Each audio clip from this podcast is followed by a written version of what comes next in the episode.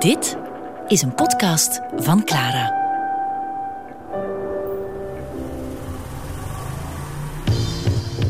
Een gehucht in een moeras. Een hele goede avond. Met mijn buurtman Mark Didde nam ik lang geleden bus 71. Die voert je van het Broekeireplein naar Flachet, via de Kunstberg en Matonge recht de Elsense Steenweg op. Het is Marks favoriete buslijn, omdat je op een mum van tijd en op een afstand van een paar kilometer een mobiele dissectie van de stad kan maken. Van haar kraters en haar torens, van haar krapul en haar tovenaars.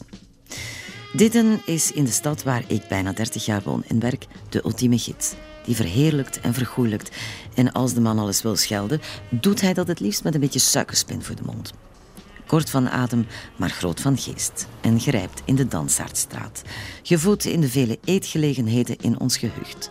Immer in vervoering door de vele tentoonstellingen en concerten in deze stad en door het werk van zijn vrienden en vele oud-studenten.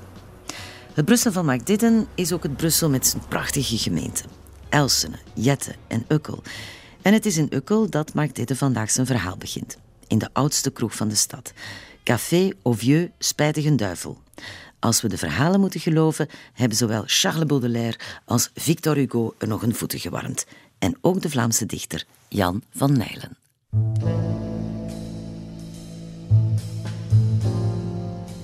Ik houd zozeer van die verlaten kroegen. Buiten de stad in het namiddaguur. Men droomt er rustig, wachtend op de vroege schemeravond. Naast een gezellig vuur. Een gehucht in een moeras. Met Mark Didde. Het woord ukkel op zich zet daar een S voor en het is sukkel. Dus ik vond het altijd al een raar woord.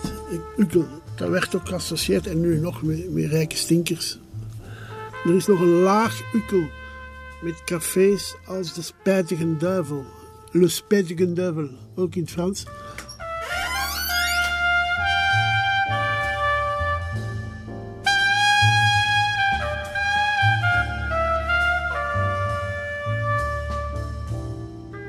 Uh, het heeft nog steeds een authentieke uitstraling, maar het is zoals het met een stad gaat, van een Vlaams-Brussels landelijk café een Griekse afspanning geworden. Maar de mensen hebben het interieur gerespecteerd, wat ik enorm vind. En je kan hier in de winter ook.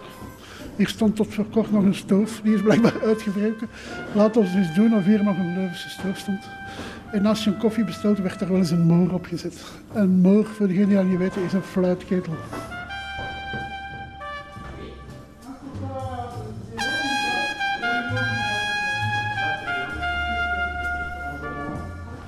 Er zijn zagen en mythen die zeggen dat mensen als de Franse dichter Charles Baudelaire, de broer van de bekende schilder Vincent van Gogh, de, wat waar is, de danskoning Maurice Béjart, de schrijver Victor Hugo, dit café altijd op een gewone kroegentocht inschakelde omdat het een soort herberg was waar iedereen welkom was. Ook met zeer vloeiende openingsuren vroeger.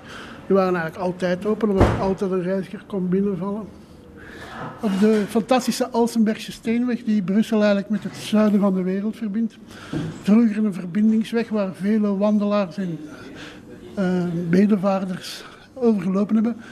En ook voor een tijd het vaste honk van de ambtenaar-dichter Jan van Nijlen die er iedere dag tot 1965 elke dag een pint kwam drinken, of twee of zelfs drie naar men zegt. En er ook een gedicht aan gewijd heeft. Alhoewel dat niet expliciet noemt, kan het alleen dit café zijn. Het is later ook de mensen die aan Van Nijlen bestudeerd hebben uitgezocht dat het over dit café ging. Maar het mooie is dat ze dat bord van Jan van Nijlen hebben laten hangen, alhoewel ze totaal niet weten wie Jan van Nijlen is. Dat vind ik wel mooi dat er ergens een overlevering is. Sinds het een eeuw misschien ligt hier wit zand op de gescheurde en uitgesleten planken. Alles is oud. De stoelen en de blanke tafels. Dit is een huis, een vaderland. Voilà, ik zou graag gaan zitten.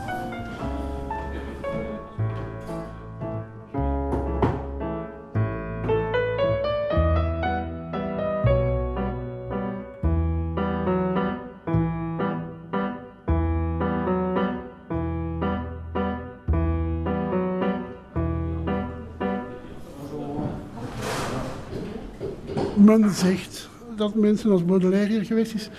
Die mythe komt volgens mij van een foto in Paris Match die ik ooit gezien heb. Dat aan deze tafel waar wij nu zitten, achter in de zaal, Maurice Béjart met een script bezig was voor zijn dansvoorstelling Baudelaire. En hij had, om, misschien om dat verhaal interessant te maken, gezegd dat hij op de sporen van Baudelaire in Brussel uh, ging werken. En één was de Koninginnengalerij, want uh, Baudelaire woonde in een hotel dat ongeveer nu waar de KBC is, waar het Vlaams gemeenschap zit, uh, aan het uiteinde van een van die galerijen. En, en, en, een van zijn research had hem ook naar hier gebracht. Wat dat wel kan, want uh, dit is de weg naar Frankrijk. Hè. Dit, is, dit was vroeger de autostrade naar Frankrijk. Wie, wie in Sint-Gilles aan de, aan de kruispunt, dat heel raar heet, de barrière de Saint-Gilles, maar eigenlijk de barreel betreft. Dus daar eindigde de stad. Dus het, begin van de Alsembergse Steenweg was nog met stenen, vanaf de Hallepoort tot Sint-Gilles. En dan werd dat een zandweg. En dus uh, op die zandweg kregen mensen wel eens dorst van het lopen en waren er een aantal afspanningen. Dit zelf was ook tegelijkertijd de post hiernaast, waar nu een frietkot is, werden de paarden uitgespannen. Die een konden rusten, terwijl dat de paardenmenner uh, iets dronk en at. Dus een echte afspanning, het woord zegt het zelf, hier werden de paarden afgespannen. En, uh, en daardoor denk ik dat, het schijnt dat in de brieven van Theo van Gogh hij ook aan zijn broer schrijft dat hij de lange weg naar Beersel afgelegd heeft omdat hij het kasteel daar wilde bezoeken. En het is, zeer geloofwaardig dat mensen op weg naar Frankrijk, want Van Gogh woonde toch ook in de Val d'Oise en zo, hier langskwamen. Want er waren geen autostrades. De trein duurde heel lang en was peperduur. Dus het was een dagreis naar Parijs met de trein en was eigenlijk alleen voor geprivilegieerden.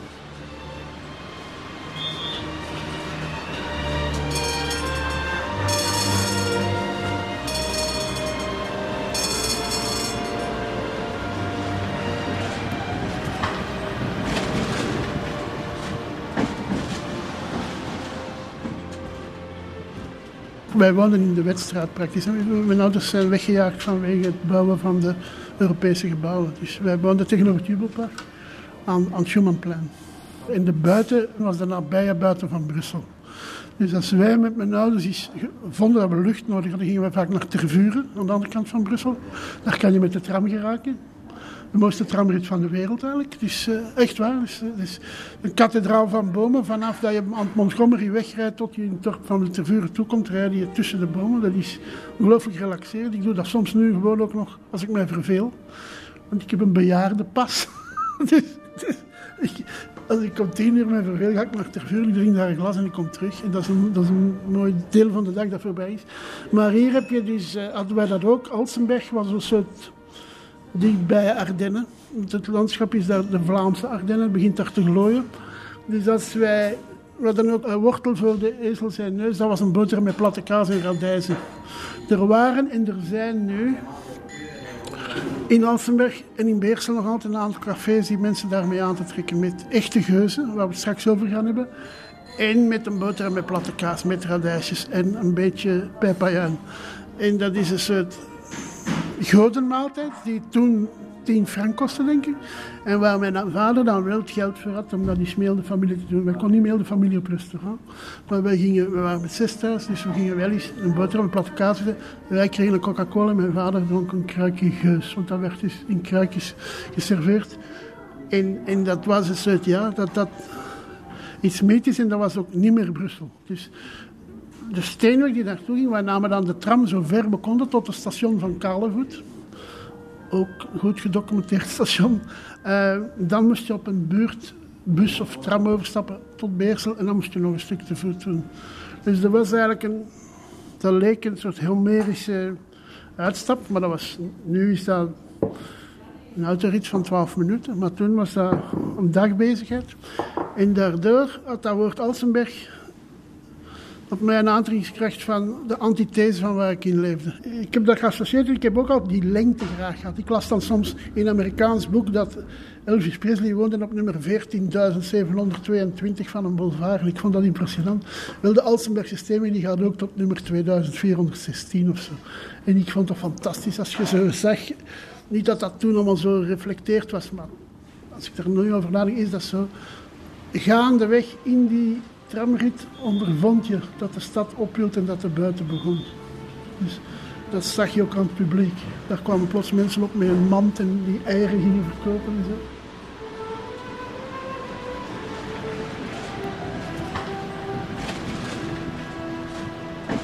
Een gehucht in een moeras met Mark Didde.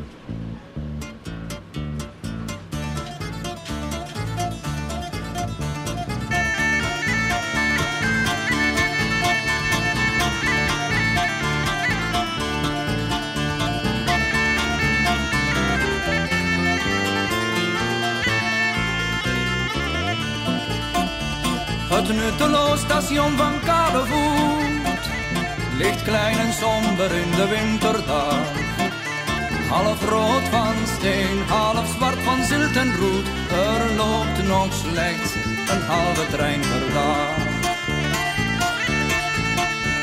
De rechterreis en dof en roos van roest. Op het perron slingert een lege fles.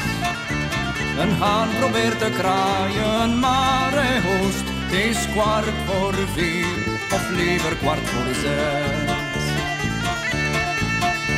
Nog steeds zit de stationschef op zijn troon en bladert in een overbodig boek. Zijn amarante pen, nutloze kroon, vuil en verkleurd, ligt ergens in een hoek.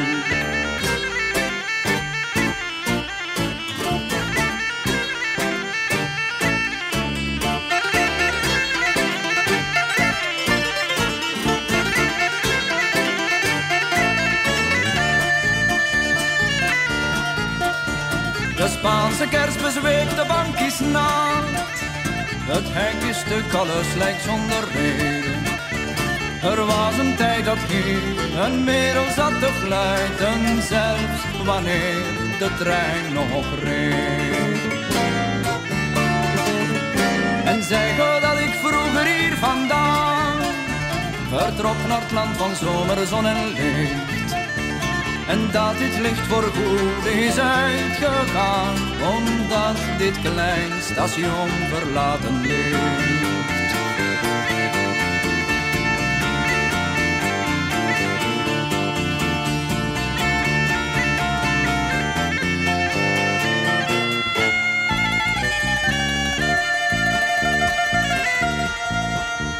Het nutteloos station van Kalevoet ligt klein en somber in de winterdag. Half rood van steen, half zwart van zilt en roet. Er loopt nog slechts een halve trein per.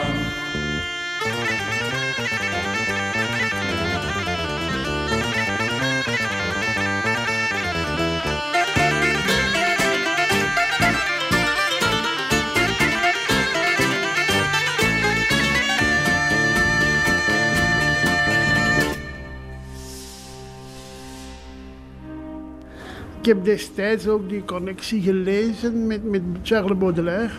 Een Franstalig inmiddels heel bekende dichter waar weinig mensen vandaag iets van lezen. Zeker in ons taalgebied.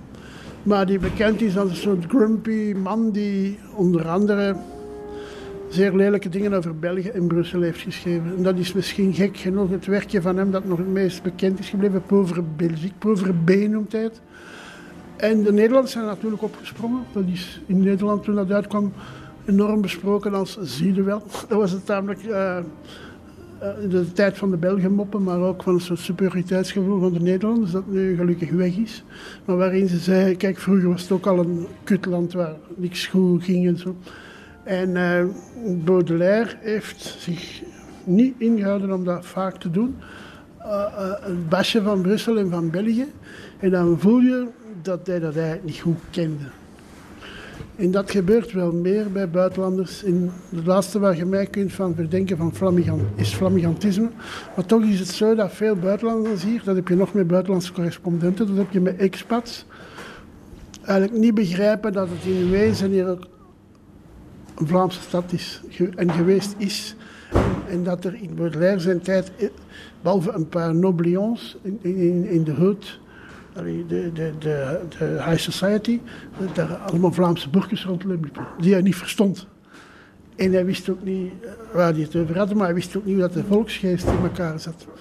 En daardoor zei hij vaak dat wij lomp waren of slecht Frans spraken. Maar hij vroeg zich niet af waarom spreken die slecht Frans, omdat dat niet hun taal is. En dat doen nu expats en zo nog altijd. Dus mensen vesten zich. Ik, ik, ken echt voorbeelden van mensen die zich vestigen in Tervuren of hier in Beersel, omdat ze bij een internationale gemeenschap werken. Maar die niet weten dat Tervuren en Beersel in Vlaanderen zijn. En die, die daar heel kwaad zijn als ze een brief van de gemeente krijgen in het Nederlands. Is. Maar bij Baudelaire denk ik ook bijvoorbeeld. Hij heeft een lange tirade gehouden tegen Belgische bieren. Vooral geuzen. Dat hij, ik geef toe dat geuze is wat men in Engeland noemt een acquired taste. Dus niet direct iets wat je automatisch lekker vindt, zoals oesters. Maar dus, hij heeft daar vaak op afgegeven, omdat hij waarschijnlijk lambiek dronk. Dus ja, mindere vorm zou ik niet zeggen, maar een andere vorm van geus, een andere vorm van brouwen. En hij had dan een formule gevonden, c'est de la bière déjà bu. Dus iemand heeft dat al uitgedronken. Waarom wilde zeggen dat het eigenlijk pis of kots was. Maar het troebelen van geuzen komt door de manier van gisten, komt niet door troebel water, want geuzen wordt eigenlijk met zeer helder water gemaakt. En dat troebelen komt een beetje toevoeging van suiker, maar ook zoals champagne door die flessen op te stapelen en te draaien en dubbele gisting op de fles. Dus dat is sowieso iets wat hij niet kende vanuit Frankrijk. En waar hij dan enorm begon op te kankeren. Terwijl hij zich nooit heeft afgevraagd, waarom is dat zo? Ten tweede was, zoals iedereen weet, Charles de Baudelaire een heel bekende gebruiker van hashish, van absint, van mescal, van alles wat bestond in die tijd. Ze hadden ook uh, kringen waar zij drugs namen samen in een soort vloeibare soort. Dus er werd een soort patheken op tafel gezet, vol drugs. En een aantal hogere geesten draaiden daar een vinger in en zogen dat op. Dus ik denk dat hij ook dan uw smaakpapillen volledig kapot maakt. Dus ik denk niet dat hij een autoriteit was om over bier te spreken. Dus, maar ik denk dat iemand als Baudelaire, die ik tegelijk toch ook wel wil salueren, want ik heb hem wel gelezen destijds, omdat ik een romantische man was. En dat, trok mij wel aan, die duistere figuren in Parijs. Maar ik moet zeggen dat ik dat boek over Brussel stuitend vond en over België. En ik, ben ook wel af en toe grumpy, dus ik ga zeker Baudelaire niet uh, verbieden van zo'n uitspraak te doen.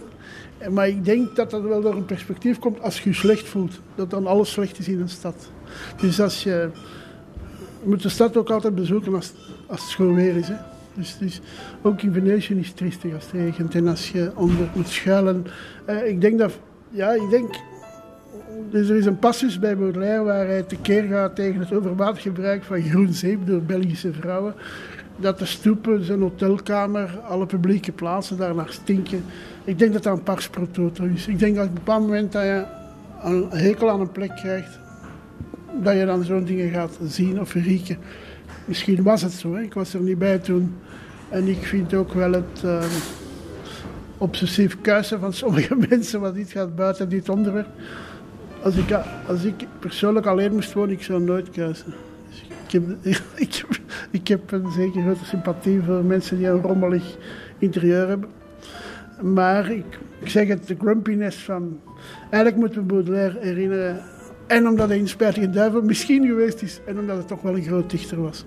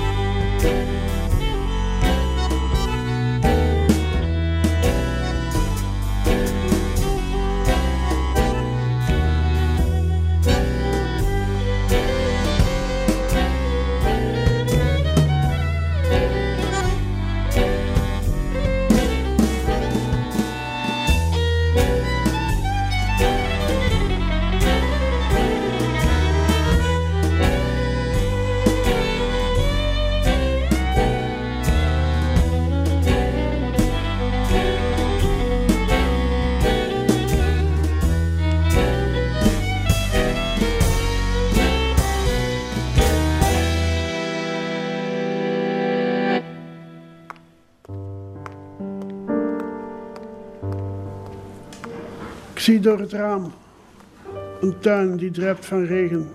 De winterlucht is mistig, grijs en geel. En alles wat ik leidzaam heb verzwegen, dringt plots in kroppend snikken naar mijn keel. En toch ben ik gelukkig, want nooit kende mijn jeugd de vrede die ik nu gevoel. Ik weet mij nu nader bij mijn menselijk doel, de dood, maar dan zonder het masker der ellende. En ik ben heel getroffen. Ik kende Jan van Leijlen slechts zijdelings en dan ook nog wel door bezoek aan dit café in de jaren 70 toen ik in de buurt Le Chat woonde, die hier aangrenst. kwam ik dikwijls na de voldane taak hier s'avonds één of twee stellas drinken, want het schijnt dat de beste café Gambrinus in Leuven is, maar dit was een closed second. En hier zat altijd vaak, vlak waar wij nu zitten, eigenlijk daar, een man, heel rustig, uh, en uh, ik, ik, had een zwijm van herkenning van deze gezicht. Bleek dat ik die ooit als knaap ook gekend had op Sint-Jan Bergmans Instituut, waar ik woonde, waar zijn hele familie uh, naar school ging. Zij waren kinderen van een man die een zeker bekend had in Vlaanderen als zijnde de tv-rechter van beschuldigde sta op, de heer Kronenbergs. Louis Kronenbergs. En hij had een aantal zonen en een daarvan was die eenzaad die hier vaak zat. En die, die mij nooit goeiedag zei en ik ook niet, maar die ik herkende. En op een dag uh, las ik in de krant dat hier in dit café een Jan van Nijlen herdenkingsavond zou zijn. En dat die heer Kronenberg daarachter stond als promotor. Dat bleek hier paar straten verder te wonen. En uh, hij is er onder andere verantwoordelijk voor dat hier een bord hangt met het stuk uit het gedicht dat ik net las. Maar ook dat de naam Jan van Nijlen, die natuurlijk in literaire kringen wel bekend is, in die uh, rare fenomenen van een Antwerpenaar die zich naar Brussel verkast heeft, uh, dat hij iets meer in de belangstelling kwam. Nu moet ik ook zeggen, objectief, dat ik dat gedicht ook altijd mooi vond. Alles wat ik van hem ooit gehoord en gelezen heb, wat niet veel is, vond ik mooi. Maar ik was niet zo in een leven dat ik mij 100% met poëzie bezig hield. Dus toen ik dan met stukken en brokken begon te lezen dat die man toch iets betekend had. En toen ik tegelijk hoorde dat Jan van Eylen eigenlijk een beetje grijze ambtenaar was. Die de poëzie beoefende na zijn uren, of tijdens zijn uren. Dat werd niet altijd gecontroleerd op bureaus. Uh, dan zag ik ook een parallel met die man die hier altijd zat. En vond ik het ook heel begrijpelijk dat net die man, die mij ook een ambtenaar leek, die hier s'avonds alleen een aantal biertjes kwam drinken, dat dat de man was die, die Van Nijlen wilde promoten. Nu, dat gebeurt meer. Hè. Er zijn nu nog op de ministeries mensen die gedichten schrijven en boeken. Dat is, werd vroeger voor de computer ook meer oogluikend toegestaan. Men kon niet echt zien wat iemand aan het doen was. Dus, dus uh, er zijn nu nog dichters van deze generatie. Willy Verheggen is heel zijn leven uh, ambtenaar geweest. Frank de Krits is heel zijn leven ambtenaar geweest. De Brusselse dichter Freddy Smeekens heeft heel zijn leven voor, voor de Brusselse Stadskrant gewerkt. Die eigenlijk ook uitgaat van... De, er was een soort tolerantie tegenover dichters. Bij de Franse gemeenschap heb je dat ook. Er zijn een aantal dichters die op het ministerie werken. En die zich dan bijvoorbeeld met poëzie moeten bezighouden. Subsidiëring van bundels of van evenementen ik vind dat mooi. Ik denk dan, ik heb vroeger een leraar die had gezegd dat elke primitieve stam toch iemand vrij hield voor entertainment. Iemand die moest dansen of vuur stoken of, of verhalen vertellen. Dat werd getolereerd. Geen tien, maar in elke stam is er zo wel ene. En dat waren wij dan. Dus wij mochten in de maatschappij de gasten zijn die, die dansten en vuur stookten en verhalen vertelden. En ik denk dat het ministerie vroeger ook getolereerd wordt dat er zo iemand bij was die... Uh, ja, ze wisten wel dat hij niet veel deed, maar dat is toch een, ze waren toch trots dat er ook een dichter in hun bureau zat. En ik, ik moet ook zeggen dat ik een liefde heb voor zijn figuren. Je komt die ook wel eens tegen in Russische romans. In, bij Tsjechov en bij Turgenev. Eh, van zo die eenzaten, die met die grijze stofjas, maar die dan toch in hun hoofd meestal rare dingen aan het bedenken zijn. En dat is ook het mooie aan poëzie, dat je dat kan met wit blad en een potlood. Dus het is een heel slim medium voor iemand die weinig ruimte heeft en die, die geen spannend leven heeft. Die kan toch aan een tafeltje zitten en een gedicht schrijven. Een grijze middag in het begin van mei. Een klein café of voyageur geheten. In wolkenrook rijdt soms een trein voorbij. Wat doe ik hier? De hemel mag het weten.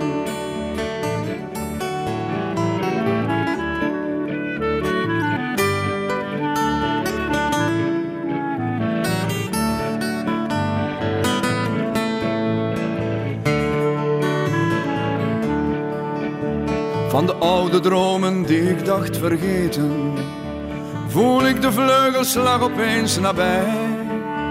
Reeds deze morgen wist ik me bezeten. Is het de of ligt de schuld aan mij?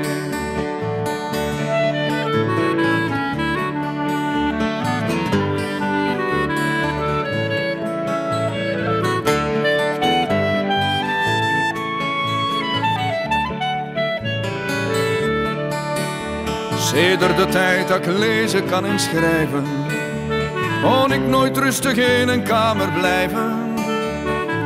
Nu ben ik alleen thuis in de natuur. Of in een koffiehuis. Ik kan niet leven met vaders, moeders, zusters, nichten, neven. Soms met een vriend. En voor een enkel uur.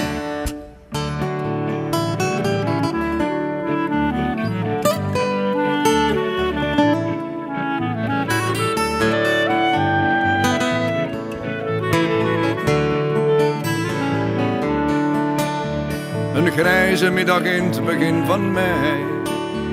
Een klein café of voyageur geheten.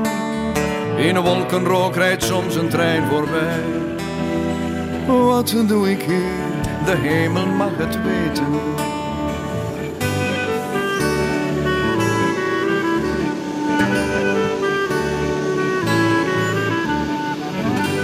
Een gehucht in een moeras met Mark Didde. Hissé à destination de Namur et Luxembourg de 18h37, voie 3.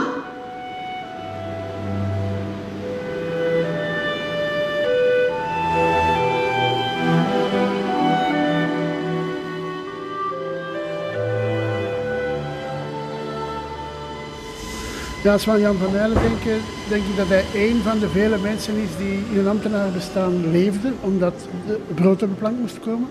Omdat misschien, eh, ja, dat werd verwacht van iemand dat hij werkte. Maar die zo'n compromis gevonden had om daar zijn dichterschap te kunnen uiten. En die tegelijk in die massa opging, die als Brusselaar heel goed kent. Dat zijn al die mensen die s'morgens uit die stations gespoten komen. Van 18 uur 37 spoor 3.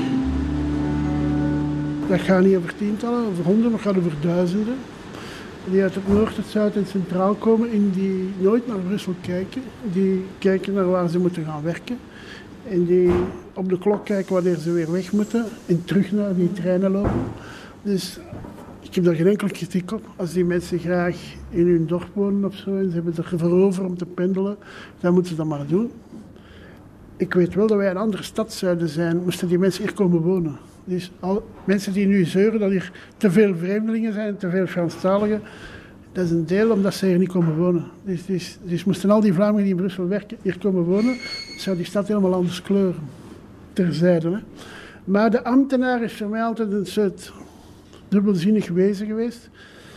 Ik heb zelf ook altijd angst gehad van het 9-to-5-syndroom. Ik heb dat altijd kunnen vermijden op een of andere manier.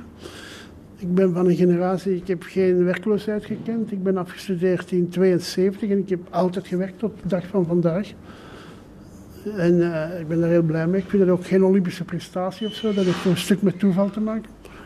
Voor een stuk met weinig nodig hebben. Ik ben niet echt materialistisch. Maar ik kom dikwijls in tegenovergestelde richting door die massa-ambtenaren. Ik ga s'morgens vaak naar een afspraak in Antwerpen of Gent.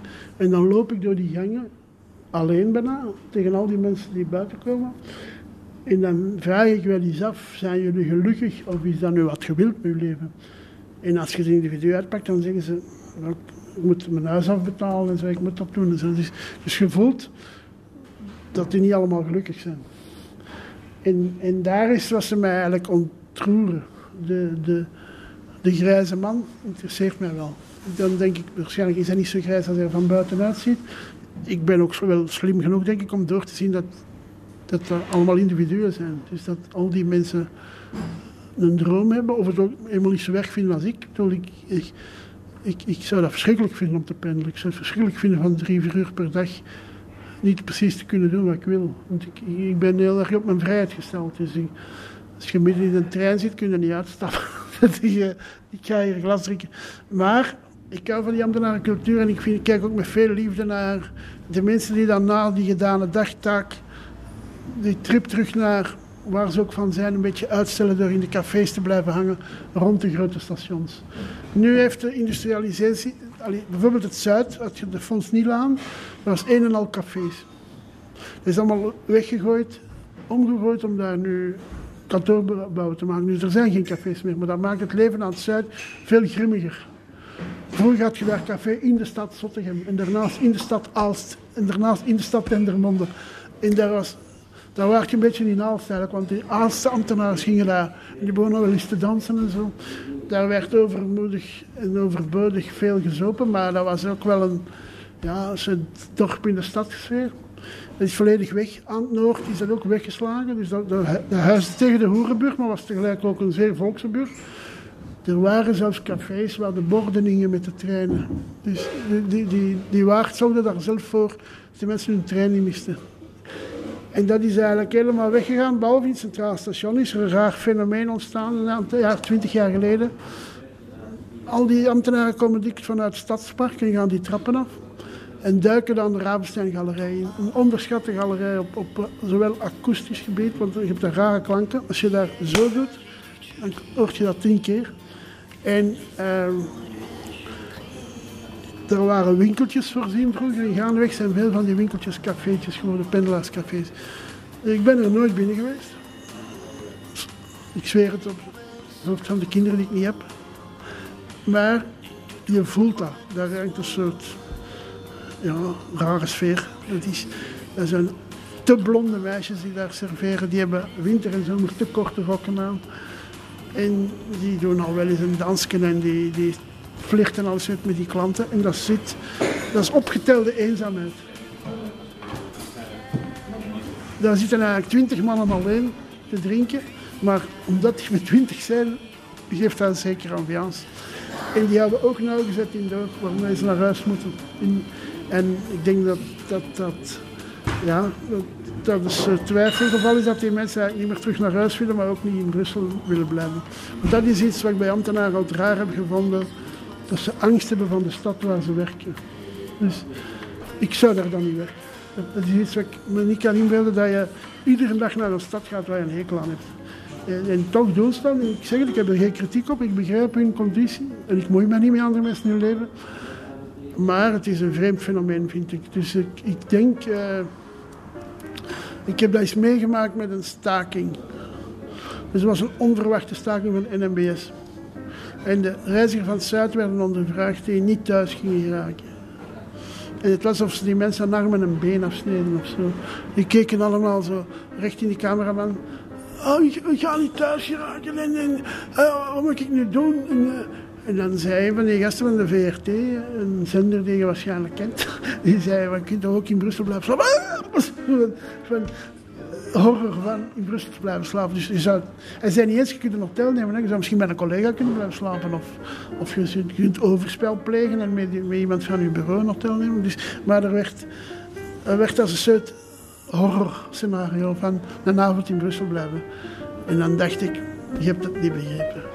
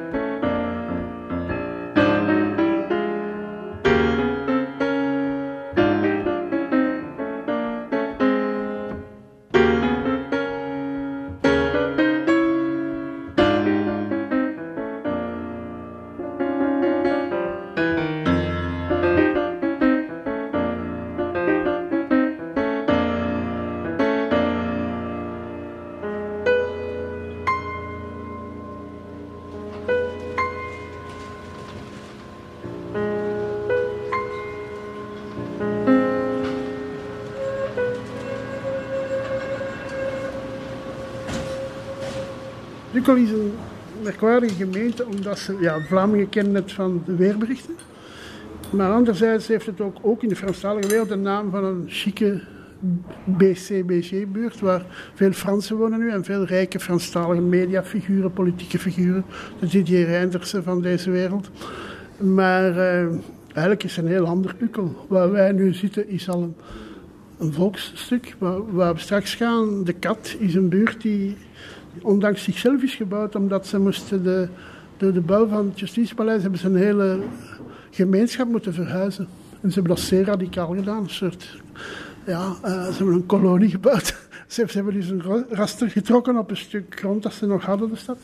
En ze hebben daar op Amerikaanse wijze vier straten wel links naar rechts gemaakt en, en dan nog twintig van. En daar is, begin van de 20e eeuw, het einde van de 19e, is een nieuwe volkswijk ontstaan die men tot vandaag de dag de kat noemt, Le Chat.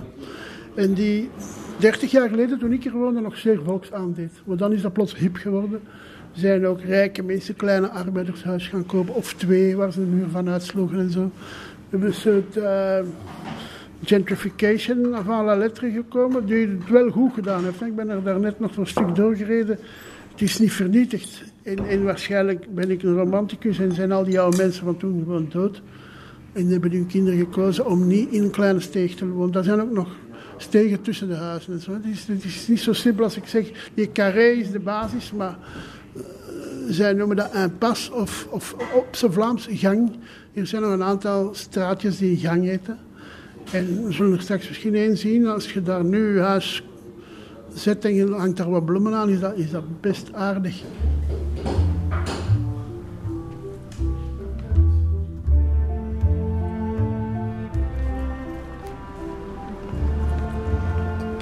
Je, dat is al heel Ukkel is doorsneden van kleine steegjes.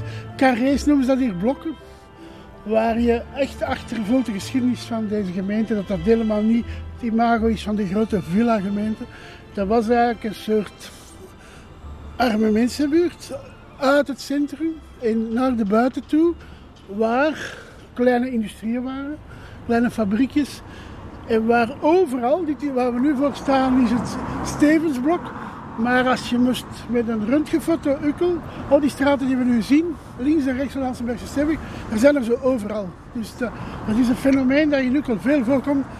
Wat in de hippie-tijd door de jonge mensen enorm gezocht werd, die huisjes. Veel worden daar stokoude mensen in, of veel stonden die leeg. Dus ik herinner me in de jaren 70 dat daar nog heel veel jonge mensen waren, dat daar vrouwen zaten in, zonneba in, zonne, zwembad uh, te, te zonnen, dat daar kinderen wild rondliepen. Vaak waren die afgesloten omdat die kinderen niks zouden overkomen. Maar daar was een soort beluikachtig leven. Maar in tegenstelling tot 100 jaar eerder, totale armoede was dan meer zo de totale vrijheid. Die mensen kennen elkaar ook veel. Zitten s'avonds tafels buiten en aten samen spaghetti. Dat is niet fictief, dat is een heel recente geschiedenis. Waar we nu naartoe gaan is 50 meter verder, Carré Pauwels dat herinner ik mij uit mijn verblijf in Ukkel in de jaren 70, dat dat meteen ingepakt werd door mensen uit het onderwijs, ecolo-types, die direct voelden, je kunt in de stad op de buiten wonen. Als we daar nu gaan kijken en neemt daar een foto van, kan jij niet geloven dat je in een grote stad bent. Ik ben er zelf niks, nooit gaan wonen omdat ik claustrofobie heb. Je kunt er even inlopen, dat is niet verboden. En dat is totaal niet atypisch. Dus je zou denken, hé, dat is vreemd, dat is bijna Brugge of dat is een klein dorp in de Provence. En tegelijk is de grootste stad nabij. Dus wil je naar Parijs, dan stap je buiten. Hier stopt een tram en die stopt aan het zuid en dan zit je op de Thalys. Uh, dus die, die zitten niet afgesloten of zo. Die, de 51 is een tram die heel vaak rijdt. Dus iedereen die hier weg wil, kan hier makkelijk weg. Maar tegelijk komt je s'avonds in je, dorp terecht. Zeg ik heb het altijd met bewondering bekeken. Maar ik ben zelf iemand die nogal levensruim nodig heeft. Ik, ik voel me niet zo goed in kleine huisjes, in kleine kamertjes en zo. Ik, heb, maar ik vind het tegelijk fantastisch dat dit dat even goed soort achterafwijk kunnen zijn. Niet dat hier vol vuilnis kunnen liggen, niet dat hier ingeslagen ruiten kunnen zijn. Maar nee, die mensen hebben vanaf de jaren 70 eraan gewerkt. Er was er zelfs één, aan de overkant daar was een café. Dat is uh. En dat was... eh, De mensen van de buurt gingen ook steegje in en gingen daar iets drinken. Dat, heb ik nog lang meegemaakt. Ik ben hier weggegaan in 78, denk ik. Toen was dat nog altijd... Dat was een geheim café in de zin van dat je dat op straat niet zag. En zij wilden ook niet dat er te veel drukte was. Maar in een van die huizen was een café. Het enige historisch dat ik erover kan zeggen is dat ik mijn kat genoemd heb naar dat café. Want ze hadden daar een mooie kat. Kat namen, hebben we die Lambiek genoemd. Waardoor ik altijd triestig ben als ik hier loop en mijn kat is hier per ongeluk door naar een, vogel te springen, heeft zich verhangen. Dus ik, eh, curiosity killed the cat. Dus we zijn hier weg. Ik wil nooit meer een ukkel kopen, want ik moet al aan mijn kat denken.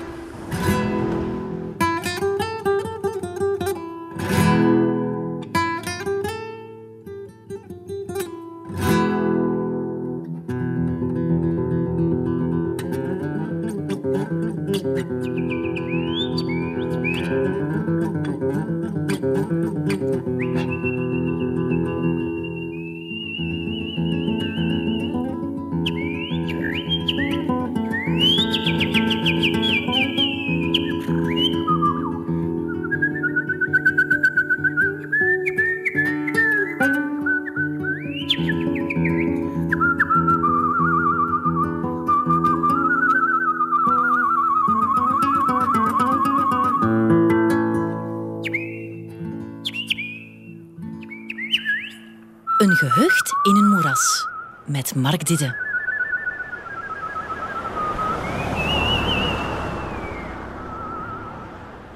Ik neem u nu het hartje van de kat mee naar de Tweede Koninginstraat.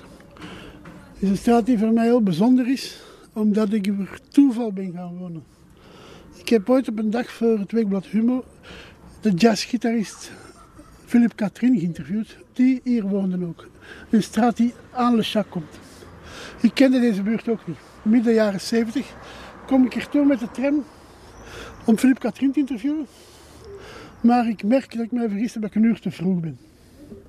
Dus ik denk, ik ga die mensen niet lastigvallen. Dus ik wandel wat rond in de buurt en ik loop door de straat waar we nu gaan komen. Tweede Koninginstraat. En ik val op een huis. En ik zeg, daar wil ik wonen. En ik laat dat toch even voorbij gaan. Ik vertel dat s'avonds aan mijn echtgenote. En een week of twee later wil ik haar dat huis laten zien. En we komen daar langs en dat stond net te huur. En ik heb daar standtepeden gehuurd. En ik heb daar heel lang geleefd. Ik heb daar ook, niet dat historisch belangrijk is, maar voor mij wel. Ik heb daar Brussels by Night geschreven. Het is dus een straat die voor mij heel veel betekent. En je zult ze zien, ze is niet van de volkse kant. Dus dat zou een architectuurarchivus dus moeten onderzoeken hoe het komt dat midden in die volkse wijk toch zo'n heel korte straat is met een aantal heel mooie huizen. Daar gaan we nu naartoe. Ik zal mijn stem ondertussen even rusten.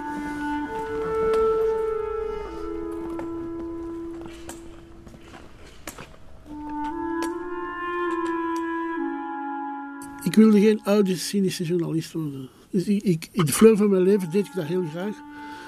Eerlijk gezegd ook omdat het niet echt op werken leek. Geef toe. Als die week uw opdracht is naar Jamaica vliegen, Bob interviewen en zien dat er maandags binnen is. Dat is niet zo erg als in de koolmijnen gaan werken van Beringen. Hè. Dus ik, ik vond dat wel geprivilegeerd dat, ik daarvoor betaald werd. Maar ik zag me niet heel mijn leven, dat nu wel pretentieus, andere mensen interviewen. Dus ik dacht, ik moet zelf iets doen. En toen voelde ik dat mijn kracht toch wel in het woord lag. En toen heb ik in Ukkel, in dat huisje, op het eerste verdiep met een balkonnetje, een werkkamer gemaakt voor niet-journalistieke arbeid. En toen heb ik zitten denken. Ja, ik had een vroege midlife crisis, ik was toen 33 of zo. Ik dacht, wat heeft het leven mij gebracht tot nu toe? Wat heeft deze stad mij gebracht? Wat, wat, eh, wie ben ik? En toen ben ik. Dat klinkt veel straffer dan het is. Toen ben ik eigenlijk heel kort beginnen Brussels by Night schrijven. Een film die voor mij heel belangrijk was. Die volgens sommigen een renouveau in de Vlaamse film heeft gebracht. Maar ik ben daar niet mee bezig. Ik ben niet mijn eigen historicus. Maar ik voelde wel dat dat ging. Dus ik heb synopsis thuisgeschreven in dat kamertje. En ik heb toen 14 dagen verlof genomen in het zuiden van Frankrijk. En ik heb nog ouderwets een tijdmachine meegesleurd met de trein naar Zuid-Frankrijk. En ik heb mijzelf twee dagen verlof geschonken. Dus we, zijn, we hadden dat huis voor 14 dagen gehuurd. Dus de eerste dagen heb ik niks gedaan. Dan ben ik dat toch nog gaan verkennen. Ik denk dat we daar op de zaterdag toe komen. Ik ben maandag beginnen schrijven.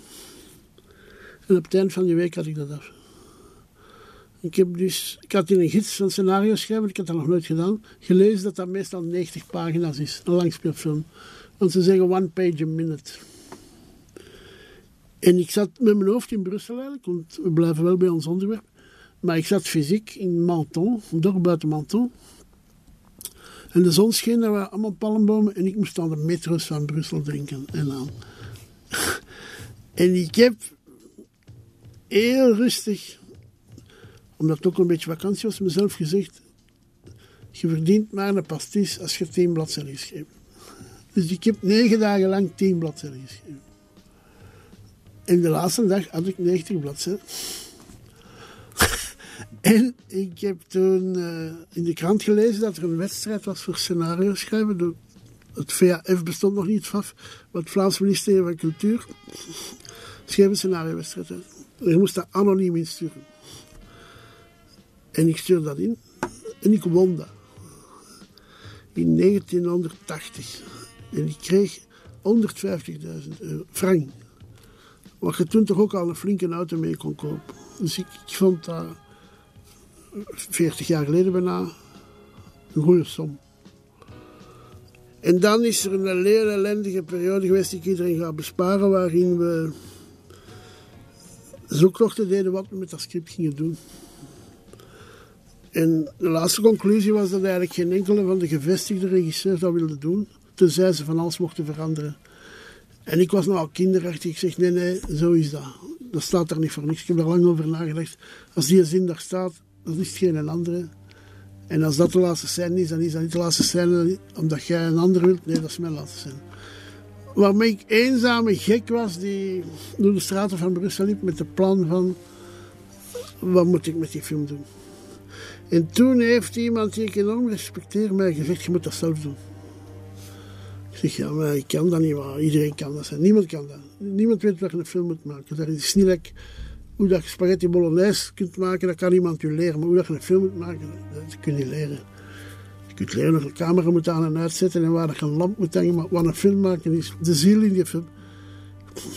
Dan heb ik dat geprobeerd. En dan heb ik uh, die film kunnen maken. En die heeft voor veel mensen Brussel voor een stuk bepaald ook in het negatieve. Dat ze bevestigd zagen van het is daar onguur, want het is geen vrolijk verhaal. Dus maar, ik moet zeggen dat ik. Ik had dat misschien in een andere stad niet gedaan, dat weet ik niet. Ik heb, doordat ik, doordat ik zo'n observator ben, heeft dat verhaal zich eigenlijk aan mij opgedrongen. Ik, ik, ik moest ik gelukkig in Neerpelt gewoond hebben, dus dat waarschijnlijk nooit geschreven C'est le temps de l'amour, le temps des copains et de l'aventure. Quand le temps va et vient, on ne pense à rien malgré ses blessures. Car le temps de l'amour, c'est long et c'est court, ça dure toujours, on s'en souvient. On se dit qu'à 20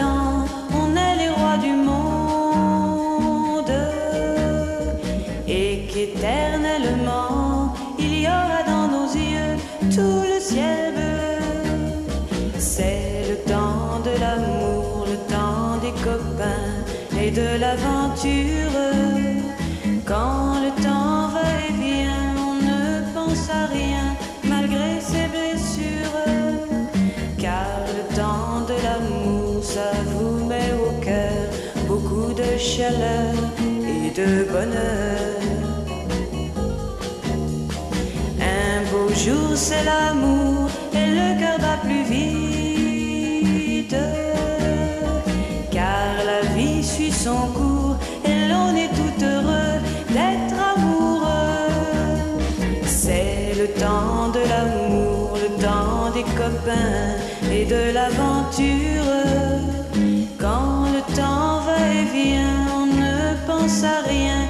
malgré ses blessures. Car le temps de l'amour, c'est long et c'est court, ça dure toujours, on s'en souvient, on s'en souvient, on s'en souvient. On s'en souvient.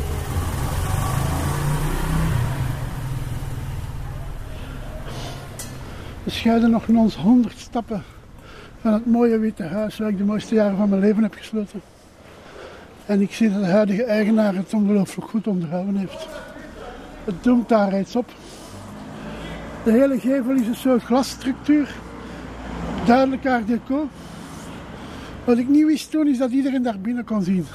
Dus ik ben wel eens de trap afgedonderd in mijn onderbroek. En werkte daarna met mijn buren daar ook deel van waren geweest.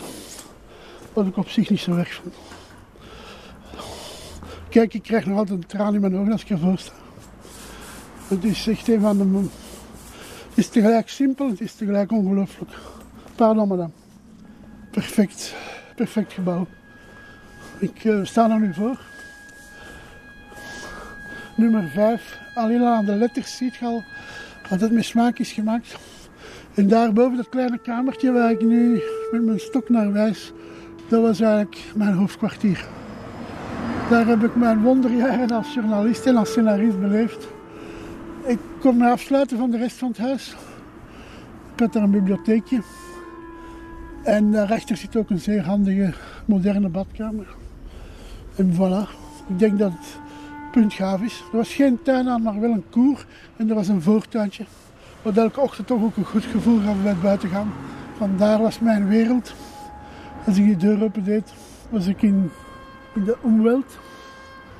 Ik heb weer, ja, ik kan, het klinkt een beetje als een goed nieuwsshow, maar ik ben hier ongelooflijk gelukkig gebleven. Maar ik had dus gehuurd en op een bepaald moment verdubbelde de eigenaar van huur. Plots was zeiden veel mensen hem dat dat een speciaal huis was. En hij had ook gehoord dat ik in de cinema werd. Dus hij dacht, die man zal wel het dubbel van de huur kunnen betalen. En er was net einde huurcontract, dus ik heb daar niet veel verhaal tegen gehad.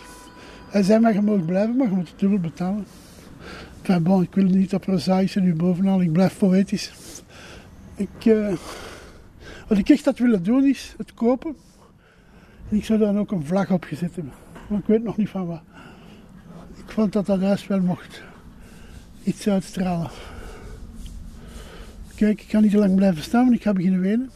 En, maar ik ben tegelijk ook blij dat ik het gehad heb. Ik heb, ik heb hier meer dan tien jaar gewoond. En toen in Le Chat, hier wat verderop, was er nog kleinhandel. Dus als ik, pak sigaretten zou ik nu niet zeggen, maar mijn vrouw rookte wel. Maar als ik een brood nodig had of een fles cola, dan moest ik ook niet naar supermarkt of zo. Dan ik, ging ik naar de dorpswinkel. En dat is niet zo ver geleden. Dat is 30 jaar geleden. Dat is ook niet 100 jaar geleden. En dit was een zeldzaamheid toen. Wij keken bijna op als er een auto doorreed. Boven de mensen die hier woonden kwam hier nooit een auto voorbij. Daarom, zoals ik zei, taxis wisten dit nooit liggen, wat ik een goed teken vond. Moest dat altijd uitliggen. Voilà. Het is ook mooi, hè? Een oud dametje dat op een warme dinsdagnamiddag de behoefte voelt om haar stoep te schuren. Met de welbekende groene zeep. En het is duidelijk dat ze enige moeite heeft met die arbeid, maar dat ze ook wel vindt dat ze het moet doen. Baudelaire had gelijk in de zin dat er bij, bij de Vlaming en de Belg toch wel een obsessie is voor properheid. Ik herinner mij mijn moeder als ik iets chocolaatje, een wikkeltje op de tafel legde, een minuut later was dat weg. En inderdaad, één keer per week werd heel het huis geschropt. En eh, ik herinner mij de, de geur van Javel en Spik en Span en zo. Nu, ik heb, daar nooit last mee. Ik vind, ik, ik vind als mensen dat willen doen dat dat fijn is, maar ik ben ook een bohemiaan, dus als het niet gebeurt vind ik het ook. En die geur op zich heeft me niet zoveel gehinderd. hè. Dat is toch mooi, hè? Qua beeld.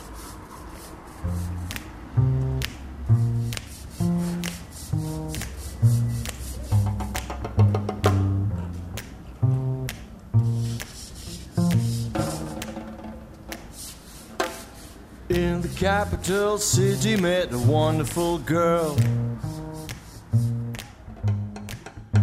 She locked me up in the basement like a curious beast. Put a leash through my foreskin. And now that's called love. To ease my mind with prayer, I went to a church in the capital city. Hallelujah, I found God. Eat the holy substance, receive His love. Breakfast in Brussels after nights of wild sensation. Metamorphosis, the city touched my body and soul.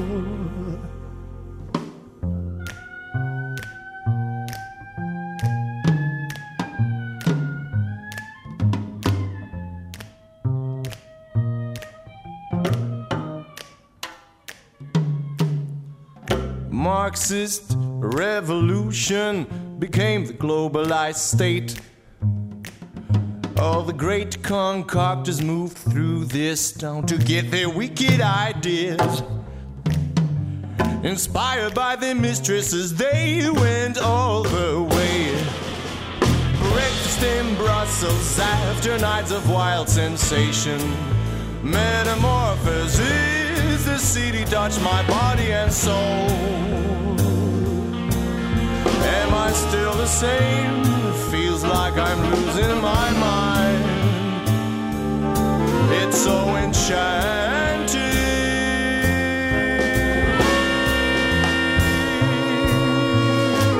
Eat the substance, the holy substance. Drink the fluid, the bodily fluid. Eat the substance, the holy substance. Drink the fluid, the bodily fluid. Connecting us all. The holy substance. Like a machine. The bodily fluid injecting our bodies. Globalized emotions. Globalized necessity. Oh, breakfast in Brussels. The holy substance. Drink the fluid. Breakfast in Brussels. Eat the substance. The holy substance. Drink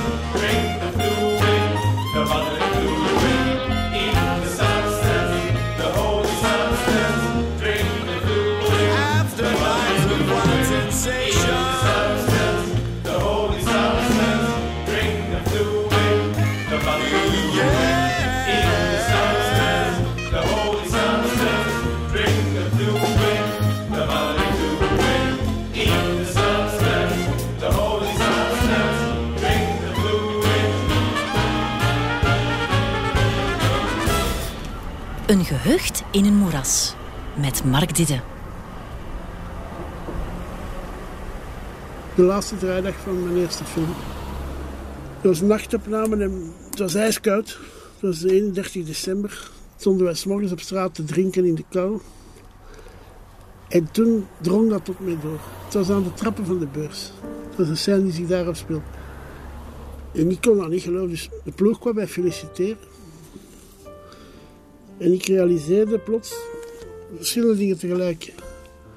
Dat dat script dat ik ooit een blauwe maandag verzonnen had en in een dag in Frankrijk geschreven, nu verfilmd was. Ten tweede dat dat misschien mijn leven ging worden. Cineast ging zijn in plaats van journalist. Ten derde dat iedereen mij kwam feliciteren. Ten vierde dat mijn ouders die film, mijn, mijn vader nooit zou zien. Terwijl hij zeker zou goedgekeurd hebben dat ik dat maakte. En ten vijfde en ten zesde en ten zevende dat dat gewoon ongelooflijk was. Ik heb, ben heel mijn leven een cinemaganger geweest. En dat er dus een film zou zijn die ik gemaakt had. Ik kon dat bijna niet vatten. Maar mijn vrienden zeiden dat, je hebt het gedaan. En het was een acteursploeg, vonden het fijn. Ze hebben mij altijd veel krediet gegeven. Ik heb van in het begin gezegd, ik heb dat nog nooit gedaan. Help mij, want ik weet niet hoe je een film moet maken. Dat is denk ik beter dan te zeggen, ik ben het manneke en doe het allemaal wat ik zeg. Nee, ik vroeg altijd, hoe moeten dat doen? Dus, mijn eerste film was tegelijk de filmschool. Maar dus, de realisatie dat ik dat gedaan had in mijn stad, was een ongelooflijk goed gevoel. Ik dacht, eh, ja, ik dacht, leven is goed. Dat je dat mocht doen en dat je dat... Ik wist nog niet wat die film ging worden, hè. Want dat was de, de volgende grote kick. Dat het licht uitging in een zaal en dat er een film begon en dat er stond een film van, maar ik, dat ik dat niet kon geloven, in een echt scherm, in een echte cinema. En dat er dan mensen voor betaalden om daar te gaan zien. Terwijl ik tien jaar ervoor een geflipte student was. Ik was niet zo'n goede student op iets. Want ik was heel duidelijk, onduidelijk profiel. Ik wilde scenarist worden, maar dat bestond niet. Dus ze zei, doe het aan toneel, want daar leert je ook wat toneel schrijven. Maar toneel, ik moest mij schminken, ik moest in een collant staan dansen. Ik had er ook totaal geen zin in. Ik, ik zei, ik, ik wil hier weg. Cinema mocht ik niet binnen, omdat ik geen wetenschappelijke vakken kende. En ik was een losbol. Dus ik... Rock and roll saved my ass. Dus omdat ik een beetje kon schrijven, kon ik wel... Heb ik niet moeten gaan doppen. Ik heb daar nog foto's van gezien. Er zijn foto's van snapshots, hè, van die laatste draaidag. Je ziet dat bijna fysiek, dat geluk aan me. Ik, was toen nog iets slanker. Het was ijskoud, ik had zo warme kleren aan. En geluk. Eh, er is zelfs een shot, want we hebben in, in dat shot Jaguar gebruikt. Als, als, als, als auto voor de productie. Allee, in het verhaal komt er een Jaguar voor. Maar ik heb de ethische afspraken geschonden en ik heb mij in die Jaguar naar huis laten rijden. Terwijl in het contract stond dat we die alleen mochten gebruiken voor opnames tijdens de film. Die stond daar toch en ik zeg, ga, ga terug naar de garage brengen. Ik zeg, ja, zet me er maar thuis af. En ik ben, ik zal nu erbij zeggen voor de luisteraars te foppen, met een glas champagne in mijn hand, maar toch mentaal, ben ik op die achterbank gaan zitten en ik dacht, I'm a film director now. Dat is een zeer specifiek moment. En dat is, zo zijn er gelukkig, er zijn er zoveel honderd in het leven. Hè.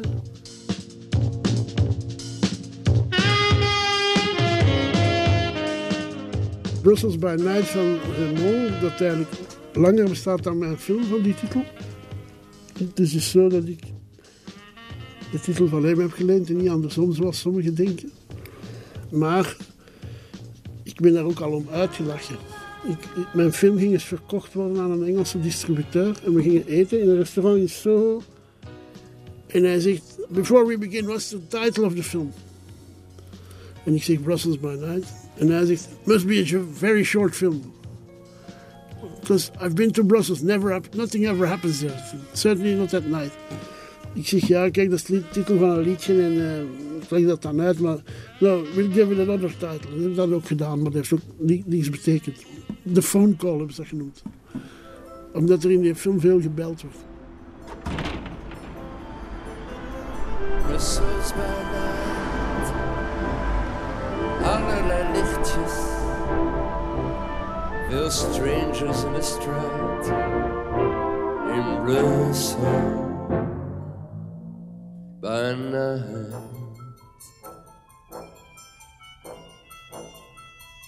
In de straat van Boyenne neemt een dame je mee. Er wordt soms geschoten, de wet zwijgt gedwee.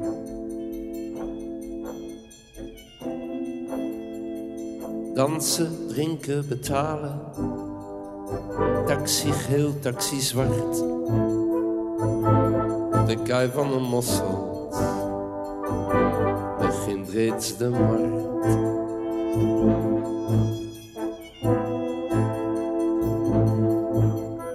Brussels bij night. Allerlei lichtjes. Veel strangers in de straat. En katers bij het ontbijt. In Brussels by night.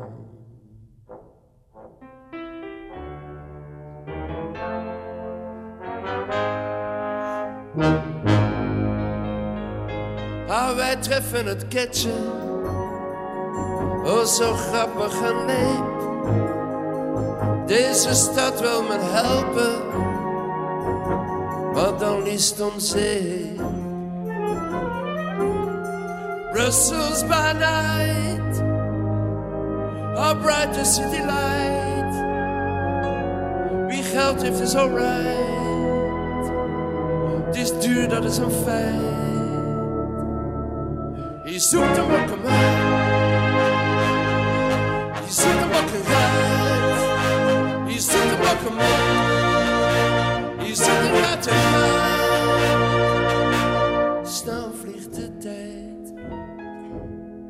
kamers met ontbijt. Brussels by night.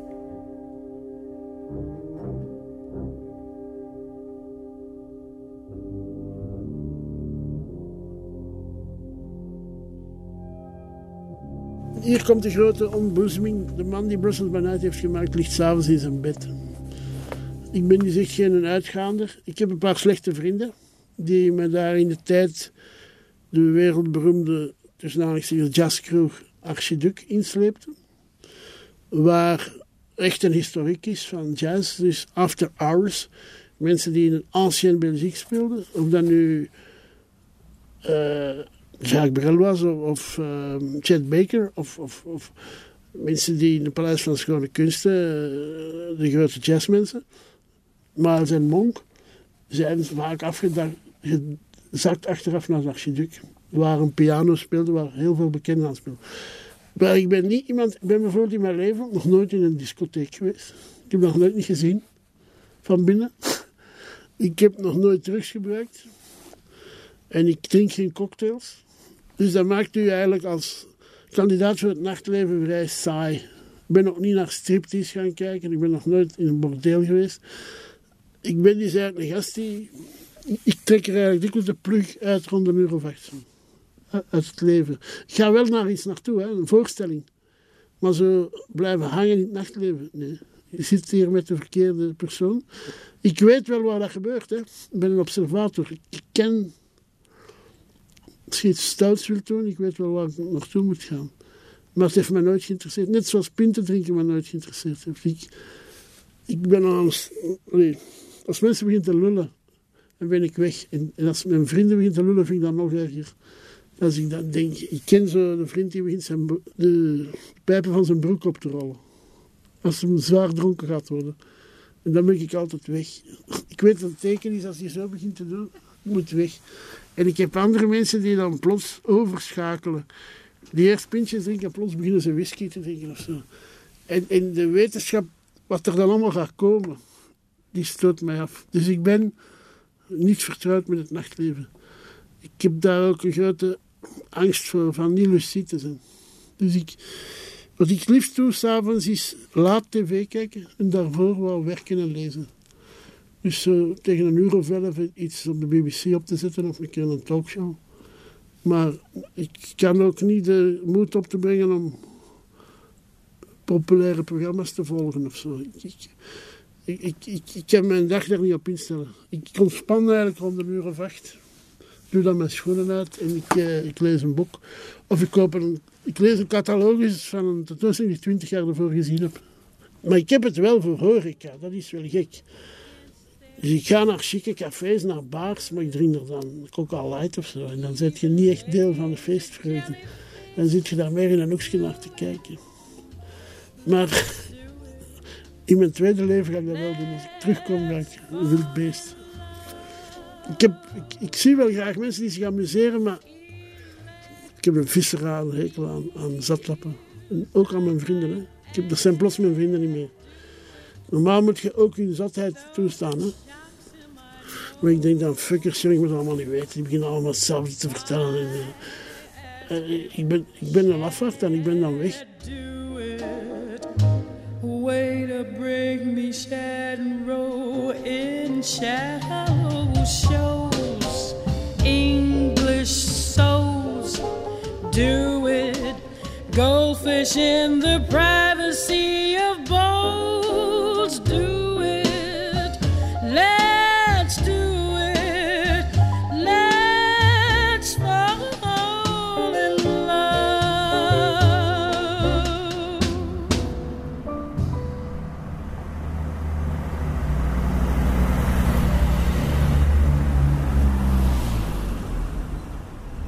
Wat ik ontdekt heb als welpend, voor de authenticiteit van elk van die gemeenten zijn niet zijn wijken vaak maar. En dat is iets wat heel moeilijk uit te leggen is. En ik, als ik Vlaamse mediadeskundigen en, en politici of eh, journalisten hoor van schaf die 19 gemeenten af, dan ben ik theoretisch volledig eens. Dat is nu een janboel en is de, is de reden van veel administratieve onduidelijkheid en mogelijke tot misbruik. Maar dat zit heel diep. je kunt nooit denken dat door eenmaking Molenbeek plots Ukkel gaat worden of zo. Dus daar is een jettenaar is, is geen eh, schaarbekenaar. Een mens van Sint-Pieters-Woluwe is anders dan een mens van Sint-Lambrechts-Woluwe. Dat is niet bewijsbaar wetenschappelijk, maar dat kun je voelen door daar te zijn. Door de gemeentecultuur. Bij de ene zijn ze zeer tolerant en ook tegenover het Nederlands en tegenover de expats. Bij de andere is het zeer oude francofonie. Frans oud geld, oude noblesse families. Bij een gemeente als Berchem Sint Agatha, die bijna in het Pajottenland ligt, is er een veel grotere inmenging met Vlaanderen. En, dat is ook de sleutel, denk ik. Van, ik heb veel les gegeven aan studenten uit Antwerpen, uit Mechelen, uit Leuven. Die kwamen in Sint-Lucas, waar ik les gaf, pendelend studeren. En hun zicht van Brussel was tussen het Noordstation en Sint-Lucas. Soms vier jaar lang. En dat is geen vrij zicht. Dan kom je prostituees tegen. Kom je lege huizen tegen waarvoor naalden liggen. Dus dat is, dat is niet eh, een ideale vitrine voor Brussel. Maar diegenen onder hen die wel iets deden wat mijn vader deed, die op onderzoek gingen, die kwamen altijd terug met veel liefde, ofwel zelfs met de beslissing van niet meer te pendelen. Want ze dachten dan, ik moet geen kot naast Sint-Lucas. Ik kan ook in Letterbeek gaan wonen, of ik kan ook op Flageplein gaan wonen. Dus er was zo snel een kentering van, oh, er is dat ook nog. En dan ontdekken ze het Jozefatpark, en dan ontdekken ze het Wolvendaalpark, en dan ontdekken ze de vijvers van Elsene, en dan ontdekken ze de, eh, de, de abdij van Terkameren. En dan zeggen ze, ah ja, ja dan nu begrijp ik het. En, en dat is zeer complex, dat... Misschien kun je dat administratief samenvoegen. Maar je gaat bij mensen een soort weerstand voelen van... Ja, wat nu het stigma op Molenbeek nu. Ik ben vorige zondag naar een tentoonstelling geweest in Molenbeek. Natuurlijk de zon scheen, hè. Ik ben vanaf het kanaal diep in Molenbeek getrokken. Hè. Het is niet het stukje Molenbeek dat zich naast het K-theater bevindt, maar echt de heart of the city. Ik moet zeggen, dat was toch zeer aangenaam. Ik heb niet veel varkensvlees gegeten en ook niet veel pinten gedronken. Maar daar is een leven op een zondag die, dat me heel vroeg aan vroeger deed denken. Oude mensen zitten op een stoel voor hun huis. Kinderen zitten met, met zo'n strandspeelgoed in een stukje zand te spelen. Ik idealiseer het niet, hè, maar ik ben echt lang door Molenbeek gelopen omdat ik die kunstgalerij moest zoeken. En dan dacht ik, het hellhole, het, het, haard van, van, van, van anarchie en dat iedereen dan met een kalasjnikov rondloopt. Nee, er zijn heel veel mensen die proberen een leventje op te bouwen. Die een winkeltje hebben waar je drie, drie meloenen kunt kopen, die watermeloenen. Die, die, die, die spontaan een thee aanbieden. Daarvoor, we zijn een provinciestad, vind ik nog altijd. Op wereldschaal zijn een provinciestad. Maar binnen Europa zelfs, of binnen België, zijn wij een heel graag amalgaam van 19e eeuwse dorpen die te snel stad zijn geworden. En die nu met zichzelf leven. In de Franstaligen voelen wij enorm aan, ik heb veel Franstalige vrienden, dat het Frans niet meer de linea franca is. Dat er heel veel Engels wordt gepraat, Arabisch. En dat al die andere migranten kleine netwerkjes doen. Dat zijn straten waar je in Pools kunt naar de slager gaan, naar de bakker, eh, naar de wasseret. Dat je met Pools genoeg hebt. Roemeens, ook achter Sint-Gilles, Portugees. Je kunt daar als Portugese arbeider, want die komen hier nu veel werken, omdat die 6 à 7 uur per uur vragen om, om in de bouw te werken. Die komen hier boven een café met zes in een kamer slapen. En die zijn hier zes, zeven maanden dat een werf duurt. En die spreken alleen maar Portugees. Die hebben nooit iets anders nodig. Die, ik heb dat aan de lijven ondervonden onlangs. Die, die gaan Portugees eten, drinken een Portugese koffie, die kijken naar de Portugese voetbal. En die gaan dan ja, onder leiding van een tweetalige werfleider gaan die ergens breken of bouwen. Maar die maken allemaal kleine gemeenschappen. En dat is, dat is niet goed, maar dat is ook wel bekend uit New York en zo, Chinatown, Little Italy, dat migranten dat doen. Ik moedig dat niet aan, maar in het begin begrijp ik dat wel. Maar wat ik nu allemaal wil zeggen is vooral, ik ben nu 67 en toch die dagelijkse ontdekkingstocht gaat nog verder. Tegelijk vecht ik met het idee dat alleen Brussel mij zou interesseren. Ik ben altijd zeer gekwetst als, als mensen verbaasd zijn dat ik veel van Antwerpen hou. Of, of dat ze mij in Antwerpen erop aanspreken. Ik ben de laatste tijd vaak in Antwerpen geweest. voor een job. En twee, drie keer op straat hebben mensen gezegd: Ah, jij in Antwerpen? Of zeg jij niet van Brussel? Waarmee ik niks wil zeggen over de Antwerpenaar. Maar ik vind het vreemd dat je zo. Ik ben altijd ook heel kritisch geweest over Brussel in mijn schrijven. Ik denk niet dat ze mij graag zien op Brusselse stadhuis. Ik heb al lang voor de crisis die er vandaag is eh, gevonden dat wij een incompetente burgemeester hebben. Maar ik wil ook helemaal geen reclameboy zijn voor de stad Brussel. En dat is, dat is wel reducerend als je... Ik zeg het, ik had het de laatste keer in Antwerpen op één week een paar keer voor. Van, alsof ik een soort uithangbord of, of dat ik bij de stad hoor. Deze, dit gesprek zal niet helpen. maar eh, ik ben zeer jaloers op Antwerpen, op het nieuwe stadhuis in Antwerpen, op het MAS, op het havengebouw. Ik, heb, ik woon hier al 50 jaar, ik heb nog nooit zoiets meegemaakt. Dat er ergens iemand initiatief neemt om een mooi gebouw te zetten. 20 jaar lullen over voetbalstadion, dat wel. Maar niemand die beslist van, zou dat nu niet goed zijn? Dat, dat justitiepaleis vroeger, dat 19e eeuw is, dat had toch ook een impact. Maar 200 jaar later worden ze nog wel zoiets maken. Het atomium, dat is een restant van een nog expo. Maar Brusselse overheid denkt dat dat even bekend is als, als maar dat is niet waar. Ik laat soms aan vrienden van het buitenland foto van dat atomium zien, die hebben daar nog nooit niet van gehoord.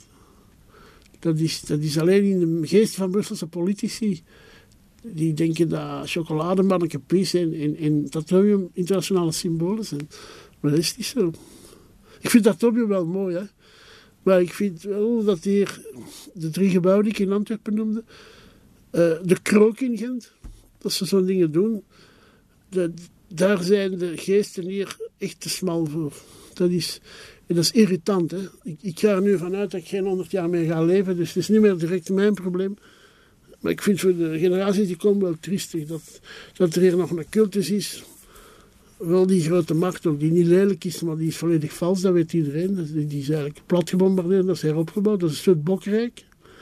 En dat ze daar altijd maar mee blijven uitpakken van de schoonste plek ter wereld. Dat zeggen de Brusselse politici, de mooiste macht ter wereld. En dan denk ik, ja, zijn al in Siena geweest, of zijn al in, Madrid geweest, of zijn, er zijn wel ander mooi plein in de wereld. Dat is, ik heb ook een haatliefde, vind ik een te gemakkelijk woord. Maar ik heb een hoge graad van irritatie over toen naar Brussel gaat.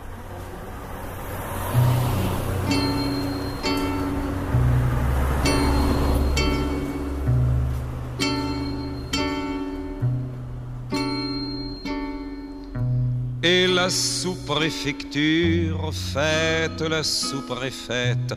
Sous le lustre à facettes, il pleut des orangeades et des champagnes tièdes et les propos glacés des femelles maussades de fonctionnariser. Je suis un soir d'été.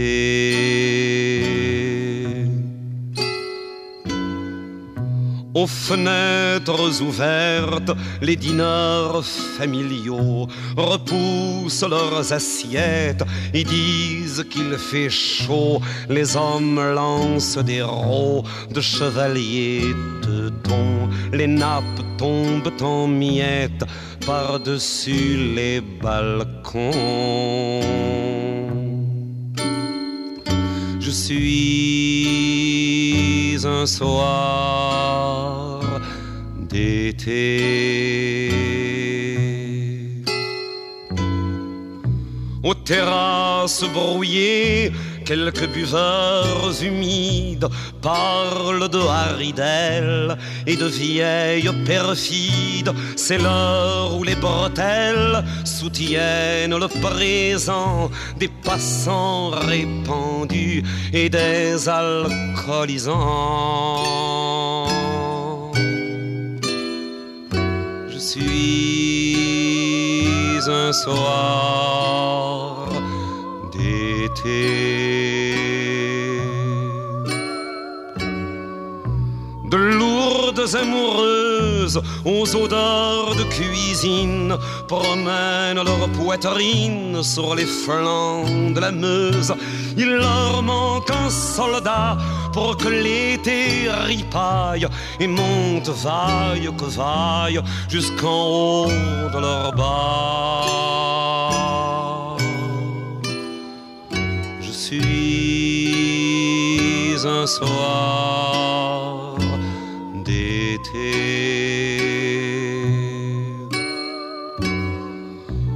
fontaines, les vieux, bardés de références, rebroussent leur enfance à petits pas pluvieux. Ils rient de toute une dent pour croquer le silence autour des filles qui dansent à la mort d'un printemps.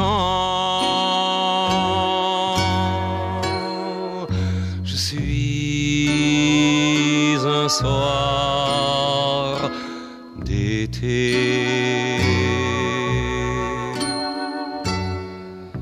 chaleur se vertèbre, il fleuve des ivresses, l'été a ses grands-messes et la nuit les célèbre. La ville aux quatre vents clignote leur mort, inutile et passant de n'être pas un port. Suis un soir. We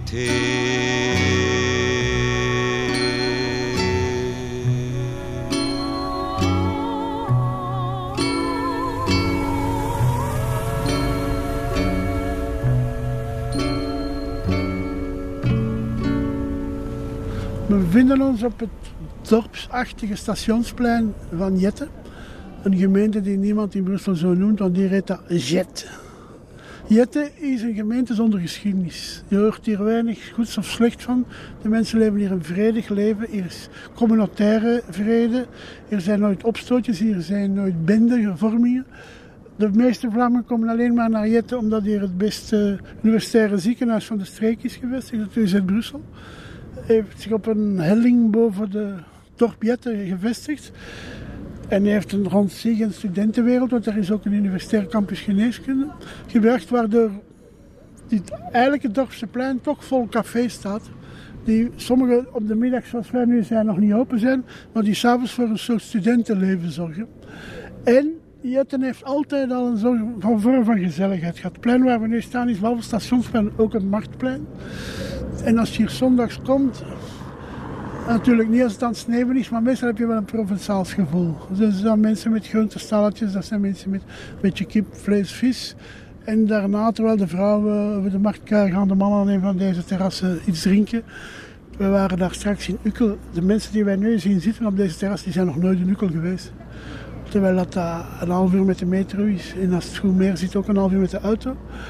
En uh, vice versa. De mensen van Ukkel zijn hier ook nooit geweest. Dus uh, dat dat maakt de stelling dat Brussel, dat ze die 19 gemeentes moeten afschaffen, een moeilijke stelling. En vreemd genoeg, als ik aan Jette denk, denk ik aan twee namen. Dat is Margriet, die hier lang gewoond heeft. En denk ik ook aan Guido Fontaine, die een autoriteit is, die uit de Belgische politieke journalistiek komt, maar die ook een Wallonië-kenner is en een Brussel-kenner.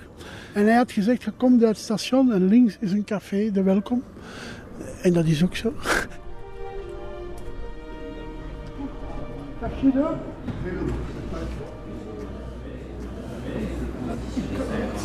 Stel vast dat je aan dezelfde tafel zit als zo we elkaar leren kennen. Ja, maar ik zit hier geregeld. Mevrouw. Vier jaar geleden kwam ik hier binnengewandeld omdat ik een boek over Brussel aan het schrijven was en ik dacht, ik moet iemand ontmoeten die meer over Brussel dan ik weet en die ook iets kan vertellen over de compliceerde politieke structuur van deze stad. En voilà, ik ben vandaag blij dat we hier terug zijn. Ja, ik woon hier vlakbij, dus ik... Uh...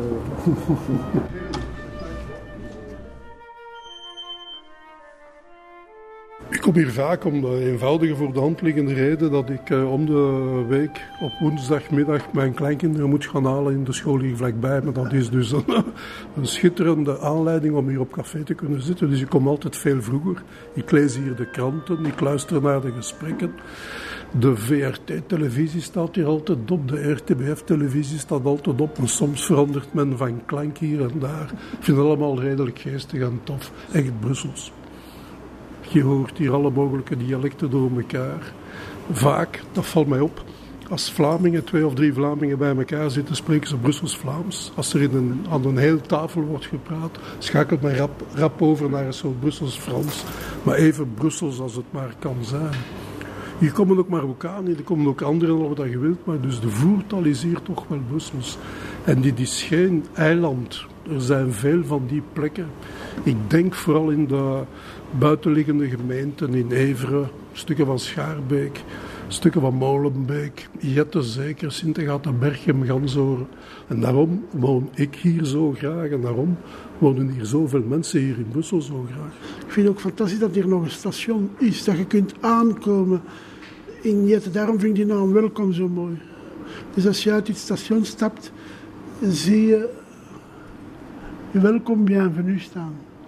Dat is heel iets anders dan onacceptabel Noord-Afrikaan dat je vroeger op sommige cafés ziet. Je durft hier binnenstappen. Voilà. Ik ga er toch iets aan toevoegen. Mijn oudste zoon die is nu in de 40. Hè.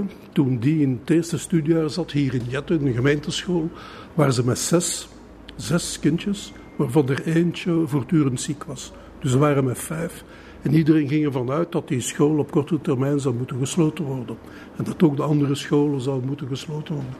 Wel nu, nu hè, in diezelfde school zijn de klassen ondubbeld. Zijn, uh, is er een eerste studiejaar met bijna 30 leerlingen. En die leerlingen die hebben nu ook alle mogelijke afkomsten. Daar zijn veel allochtonen bij. Er zijn vooral veel Franstaligen bij, of kinderen uit algemene gezinnen die van het Franstalig onderwijs zijn overgestapt naar het Vlaams onderwijs. Die scholen hebben nu een goede, een goede reputatie.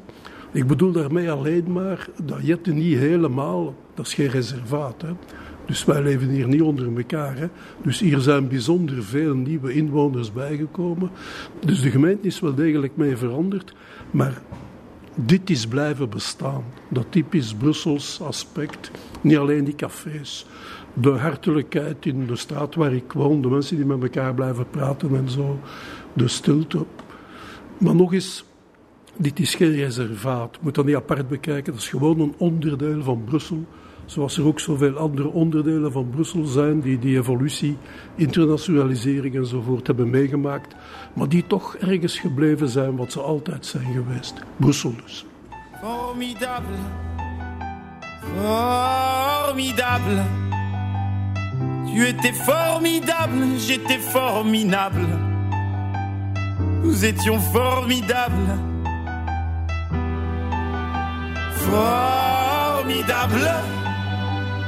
Tu étais formidable, j'étais formidable. Nous étions formidables. Oh bébé, oups, mademoiselle, je vais pas vous draguer. Promis juré, je suis célibataire depuis hier, putain. Je peux pas faire d'enfant et bon, c'est pas, hé, reviens, 5 minutes quoi. Je t'ai pas insulté, poli, courtois et un peu fort bourré. Mais pour les mecs comme moi, ça fait autre chose à faire. Hein. M'auriez vu hier, j'étais formidable. Formidable. Tu étais formidable, j'étais formidable. Nous étions formidables. Formidable.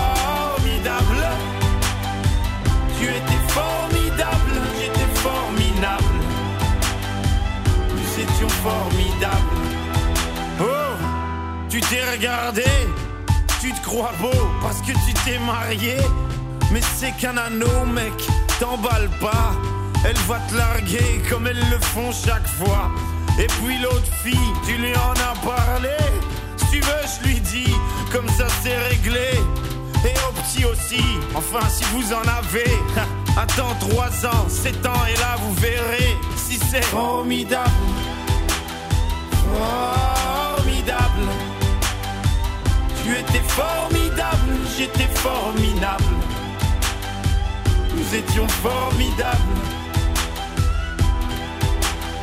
Formidable. Tu étais formidable, j'étais formidable. Nous étions formidables.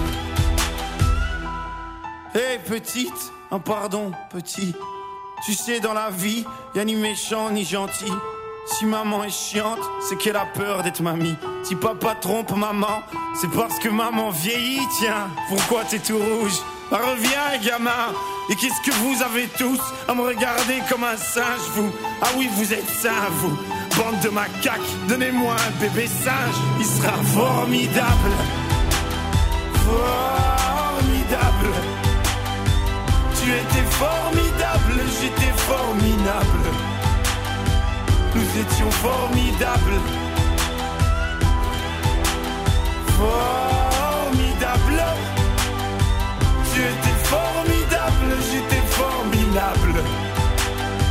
Nous étions formidables.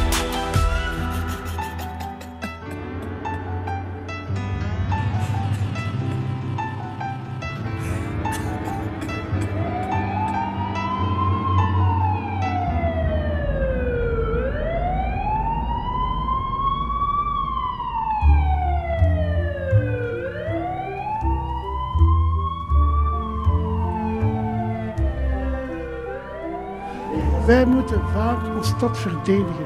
Ik vind dat zeer vermoeiend. Ik bedoel, het is toch evident dat wij geen idioten zijn, mag ik denken. Dus waarom zouden we hier wonen als het hier verschrikkelijk was? Mijn vrouw is in Antwerpen en haar vriendinnen zeggen dat altijd. Och, Garem, ga wonen in Brussel. En zij zegt, ja, maar ik ben niet dom. Ik had, ben uit Antwerpen gekomen dat ik met Mark was en ik had ook Mark kunnen overtuigen naar Antwerpen te komen wonen, maar ik vond dat hier tof. Ik bedoel, al die mensen die hier wonen, dat zijn geen gekken, hè. Maar nog eens, men hecht daar te weinig aandacht aan. De bevolking is, is, is, op een toch wel heel belangrijke wijze veranderd. Hè. Vroeger waren hier alleen maar Vlamingen en Franstaligen. Hè. Met een overwicht aan Franstaligen. Ik heb die periode van het FDF meegemaakt, met al die incidenten en zo. Toen, op een bepaald moment dacht men dat dit zou kunnen leiden naar een soort communautaire oorlog en dat soort zaken. Maar dit is hier niet gebeurd. Hè. Men is blijven discussiëren met elkaar op een niet altijd even hoogstaande manier. Maar men is gekomen tot een soort Brussels model. En ik gebruik met nadruk het woord model, wat toepasbaar zou zijn in gebieden waar verschillende gemeenschappen samenwonen met elkaar. In bijna alle landen ter wereld zijn er vergelijkbare situaties. Ik ben nooit voor de standaard op reportage geweest in het kanton de Lémont in eh, Zwitserland. En het kanton de Lémont had zich afgescheurd, in de jaren 70 moet dat geweest zijn, van het, het Franstalige kanton de Lémont, had zich afgescheurd van het Duitsstalige kanton Bern. En daar waren toen vier doden bijgevallen. In Zwitserland. Niemand weet dat. Hier is nooit één zwaar slachtoffer gekomen van al die communautaire conflicten. Nooit. Er zijn die verschrikkelijke marsen op Brussel geweest, dat ik meegelopen heb in de tijd. Dat moest allemaal. Er is die, die ingewikkelde discussie met het FDF geweest. Die zaken met de loketten, met Nols. Maar die Nols die bleef ook met de Vlaamse journalisten. Die bleef praten, we zijn altijd blijven praten. We hebben nu een soort samenlevingsmodel dat wat mij betreft toepasbaar is op zeer verschillende staten en steden waar verschillende gemeenschappen met elkaar leven. Dat ze dat in Jeruzalem doen. Of in dat soort steden. Wij moeten daar niet beschaamd over zijn. Dat draait hier zeer goed. Zeer goed. Ik vind zelf ook, ik, ik ga mezelf geen spikmadolle geven als ze zeggen dat ik goed over Brussel schrijf, maar ik weet tenminste dat ik het ken. En door te begrijpen, je moet een soort gedragscode kennen om, om in Brussel goed te functioneren. Voel dat zelf ook als in Antwerpen of Gent ben, dat dat wel gemakkelijk is. Uw taal. Als ik nu een bril ga kopen en ik stoot op iemand die geen Nederlands kent, dan moet ik een technische uitleg over brillen in Frans voeren. Een taal die ik wel beheers, maar niet zo goed als Nederlands. Zelfs als mijn gsm kapot is, stoot ik op een allochtone jongen in een, bij een Proximuswinkel. Die gebruikt, allemaal termen, Franse computertermen of Franse gsm die ik niet versta. En dan voelde wel, dat is toch gemakkelijk. Ga gewoon bij de Proximus in Antwerpen binnen en, of in Gent en dat zal opgelost zijn. Maar ik maak er toch wel een punt van om zoveel mogelijk Nederlands te spreken. Ook, in al die mogelijke winkels en al wat je wilt. En ik stel vast dat er de jongste jaren ook bij allochtonen en zo meer en meer gebruik wordt gemaakt van het Nederlands. Dat zij dat goed kennen. En dat moeten we kunnen. En dan moeten we dus toch wel uh, beseffen en gebruiken. En niet te snel overstappen naar, naar het Frans. Ik ben niet naïef. Hè. Er zijn nog altijd soms problemen in winkels of, of distributiebedrijven. Maar dat is dan meestal met oudere francofonen, madammen of zo, die, die zich nog niet hebben aangepast. Maar op de markten en in de meeste winkels, of de bakker hier vlakbij, dat is een Marokkaan, die, die spreken Nederlands en die, die, die, die vinden dat tof om dat eens te kunnen, te kunnen, te kunnen laten zien. Dus je moet in Brussel niet te snel overstappen. Je moet blijven, zo snel mogelijk moet je bij je taal blijven en je moet dat dus uh, moet dat blijven doen. Dus ergens blijven wij hier toch, uh, ja, militant is een te groot woord, maar dat speelt toch wel een grote rol. Ja. Bijvoorbeeld in mijn buurt wonen veel Vlaamse studenten. Al die mensen die daar nachtwinkels hebben, die dat zijn soms Oezbeken of Pakistanen, die spreken allemaal minimaal Nederlands, omdat ze weten het zijn die studenten die daar komen sandwiches kopen en coca en sigaretten en zo. En die mannen, die, die, hebben, die hebben een schakeling van een aantal talen. En, die beginnen zelf in het Vlaams. Als, als ik in het Frans begin, ik zeg tegelijk een woord in het Vlaams tegen mijn vrouw, gaan die door in het Vlaams. Mijn Brussel, zit in je binnenzak. Een warme jas, je binnenstad. Die mij omarmt verwarmd als vroeger. Toen ik verdwaald en lusteloos jouw geborgenheid verkoos. Al zijn mijn dromen nu wat droever. Hier kende ik mijn eerste lief, mijn eerste droom, eerste verdriet. Hier keefde ik haar naam nog in jouw bomen. Hier had ik vrienden, liep ik school en raakte ook nog op de dood. Hier voel ik me nu nog vaak verloren.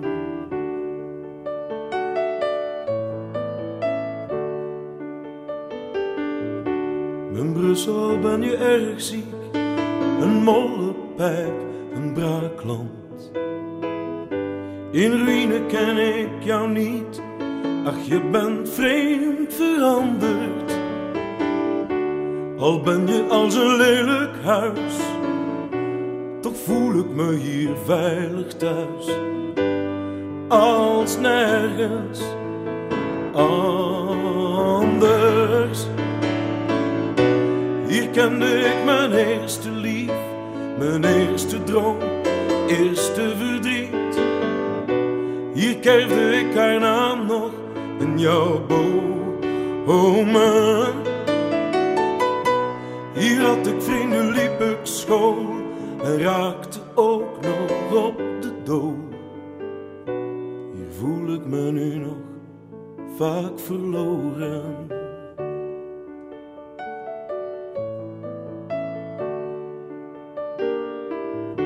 Brussel, ik verlies me weer en loop jouw straatjes op en neer.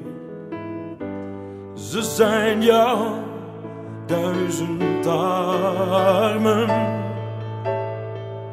Hoe vaak liep ik hier toen, niks om handen, niks te doen. Gewoon mijn tijd wat te verdromen. Hier kende ik mijn eerste lief, mijn eerste droom, eerste verdriet. Hier keefde ik haar naam nog in jouw bomen. Hier had ik vrienden, liep ik school en raakte ook nog op de dood. Hier voel ik me nu nog vaak verloren.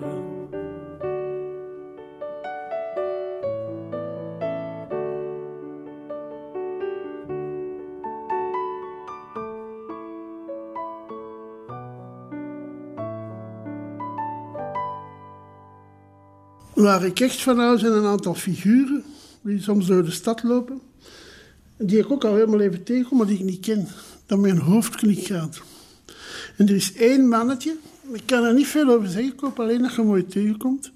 Dat is een Italiaan. Hij is klein van gestalte.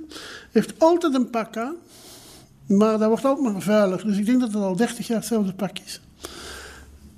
En hij heeft een hoedje op, altijd. En hij zingt flarden van opera's. En hij mompelt ook altijd. Als er een auto te snel rijdt of een licht niet lang genoeg te lang op rood blijft staan. En één keer heeft hij mij. Ik stapte samen in de straat over een auto reed mij bijna aan. En ik begon die chauffeur uit te kafferen. En ik noemde die ook assassin. En dat vond hij geweldig. Hij zei, c'est bien dit, c'est bien. En toen liep hij weer voort. En waarom ik hem tref is omdat ik hem overal tegenkom. Het is, hij is geen man van deze buurt. Als ik toevallig in Flagey ben, loopt hij daar ook rond. Of ga ik eens naar het atomium met vrienden die toeristen zijn, kom ik die in het park van het atomium ook tegen. Of neem ik een bus die ik nog nooit genomen heb, omdat ik naar een doktersonderzoek moet of zo. Dan zit hij daar ook op. Dus dat is een figuurtje.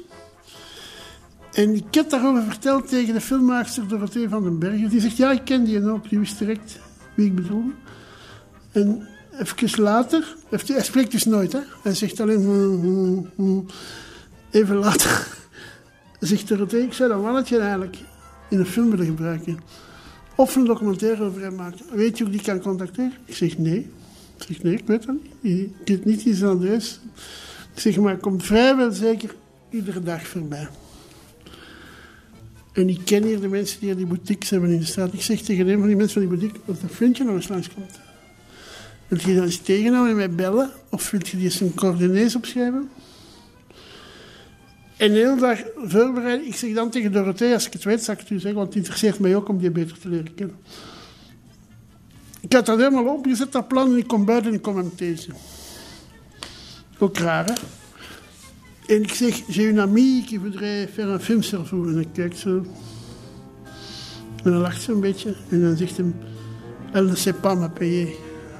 Je suis trop cher. En hij loopt weer weg. en, zo ken ik er nog.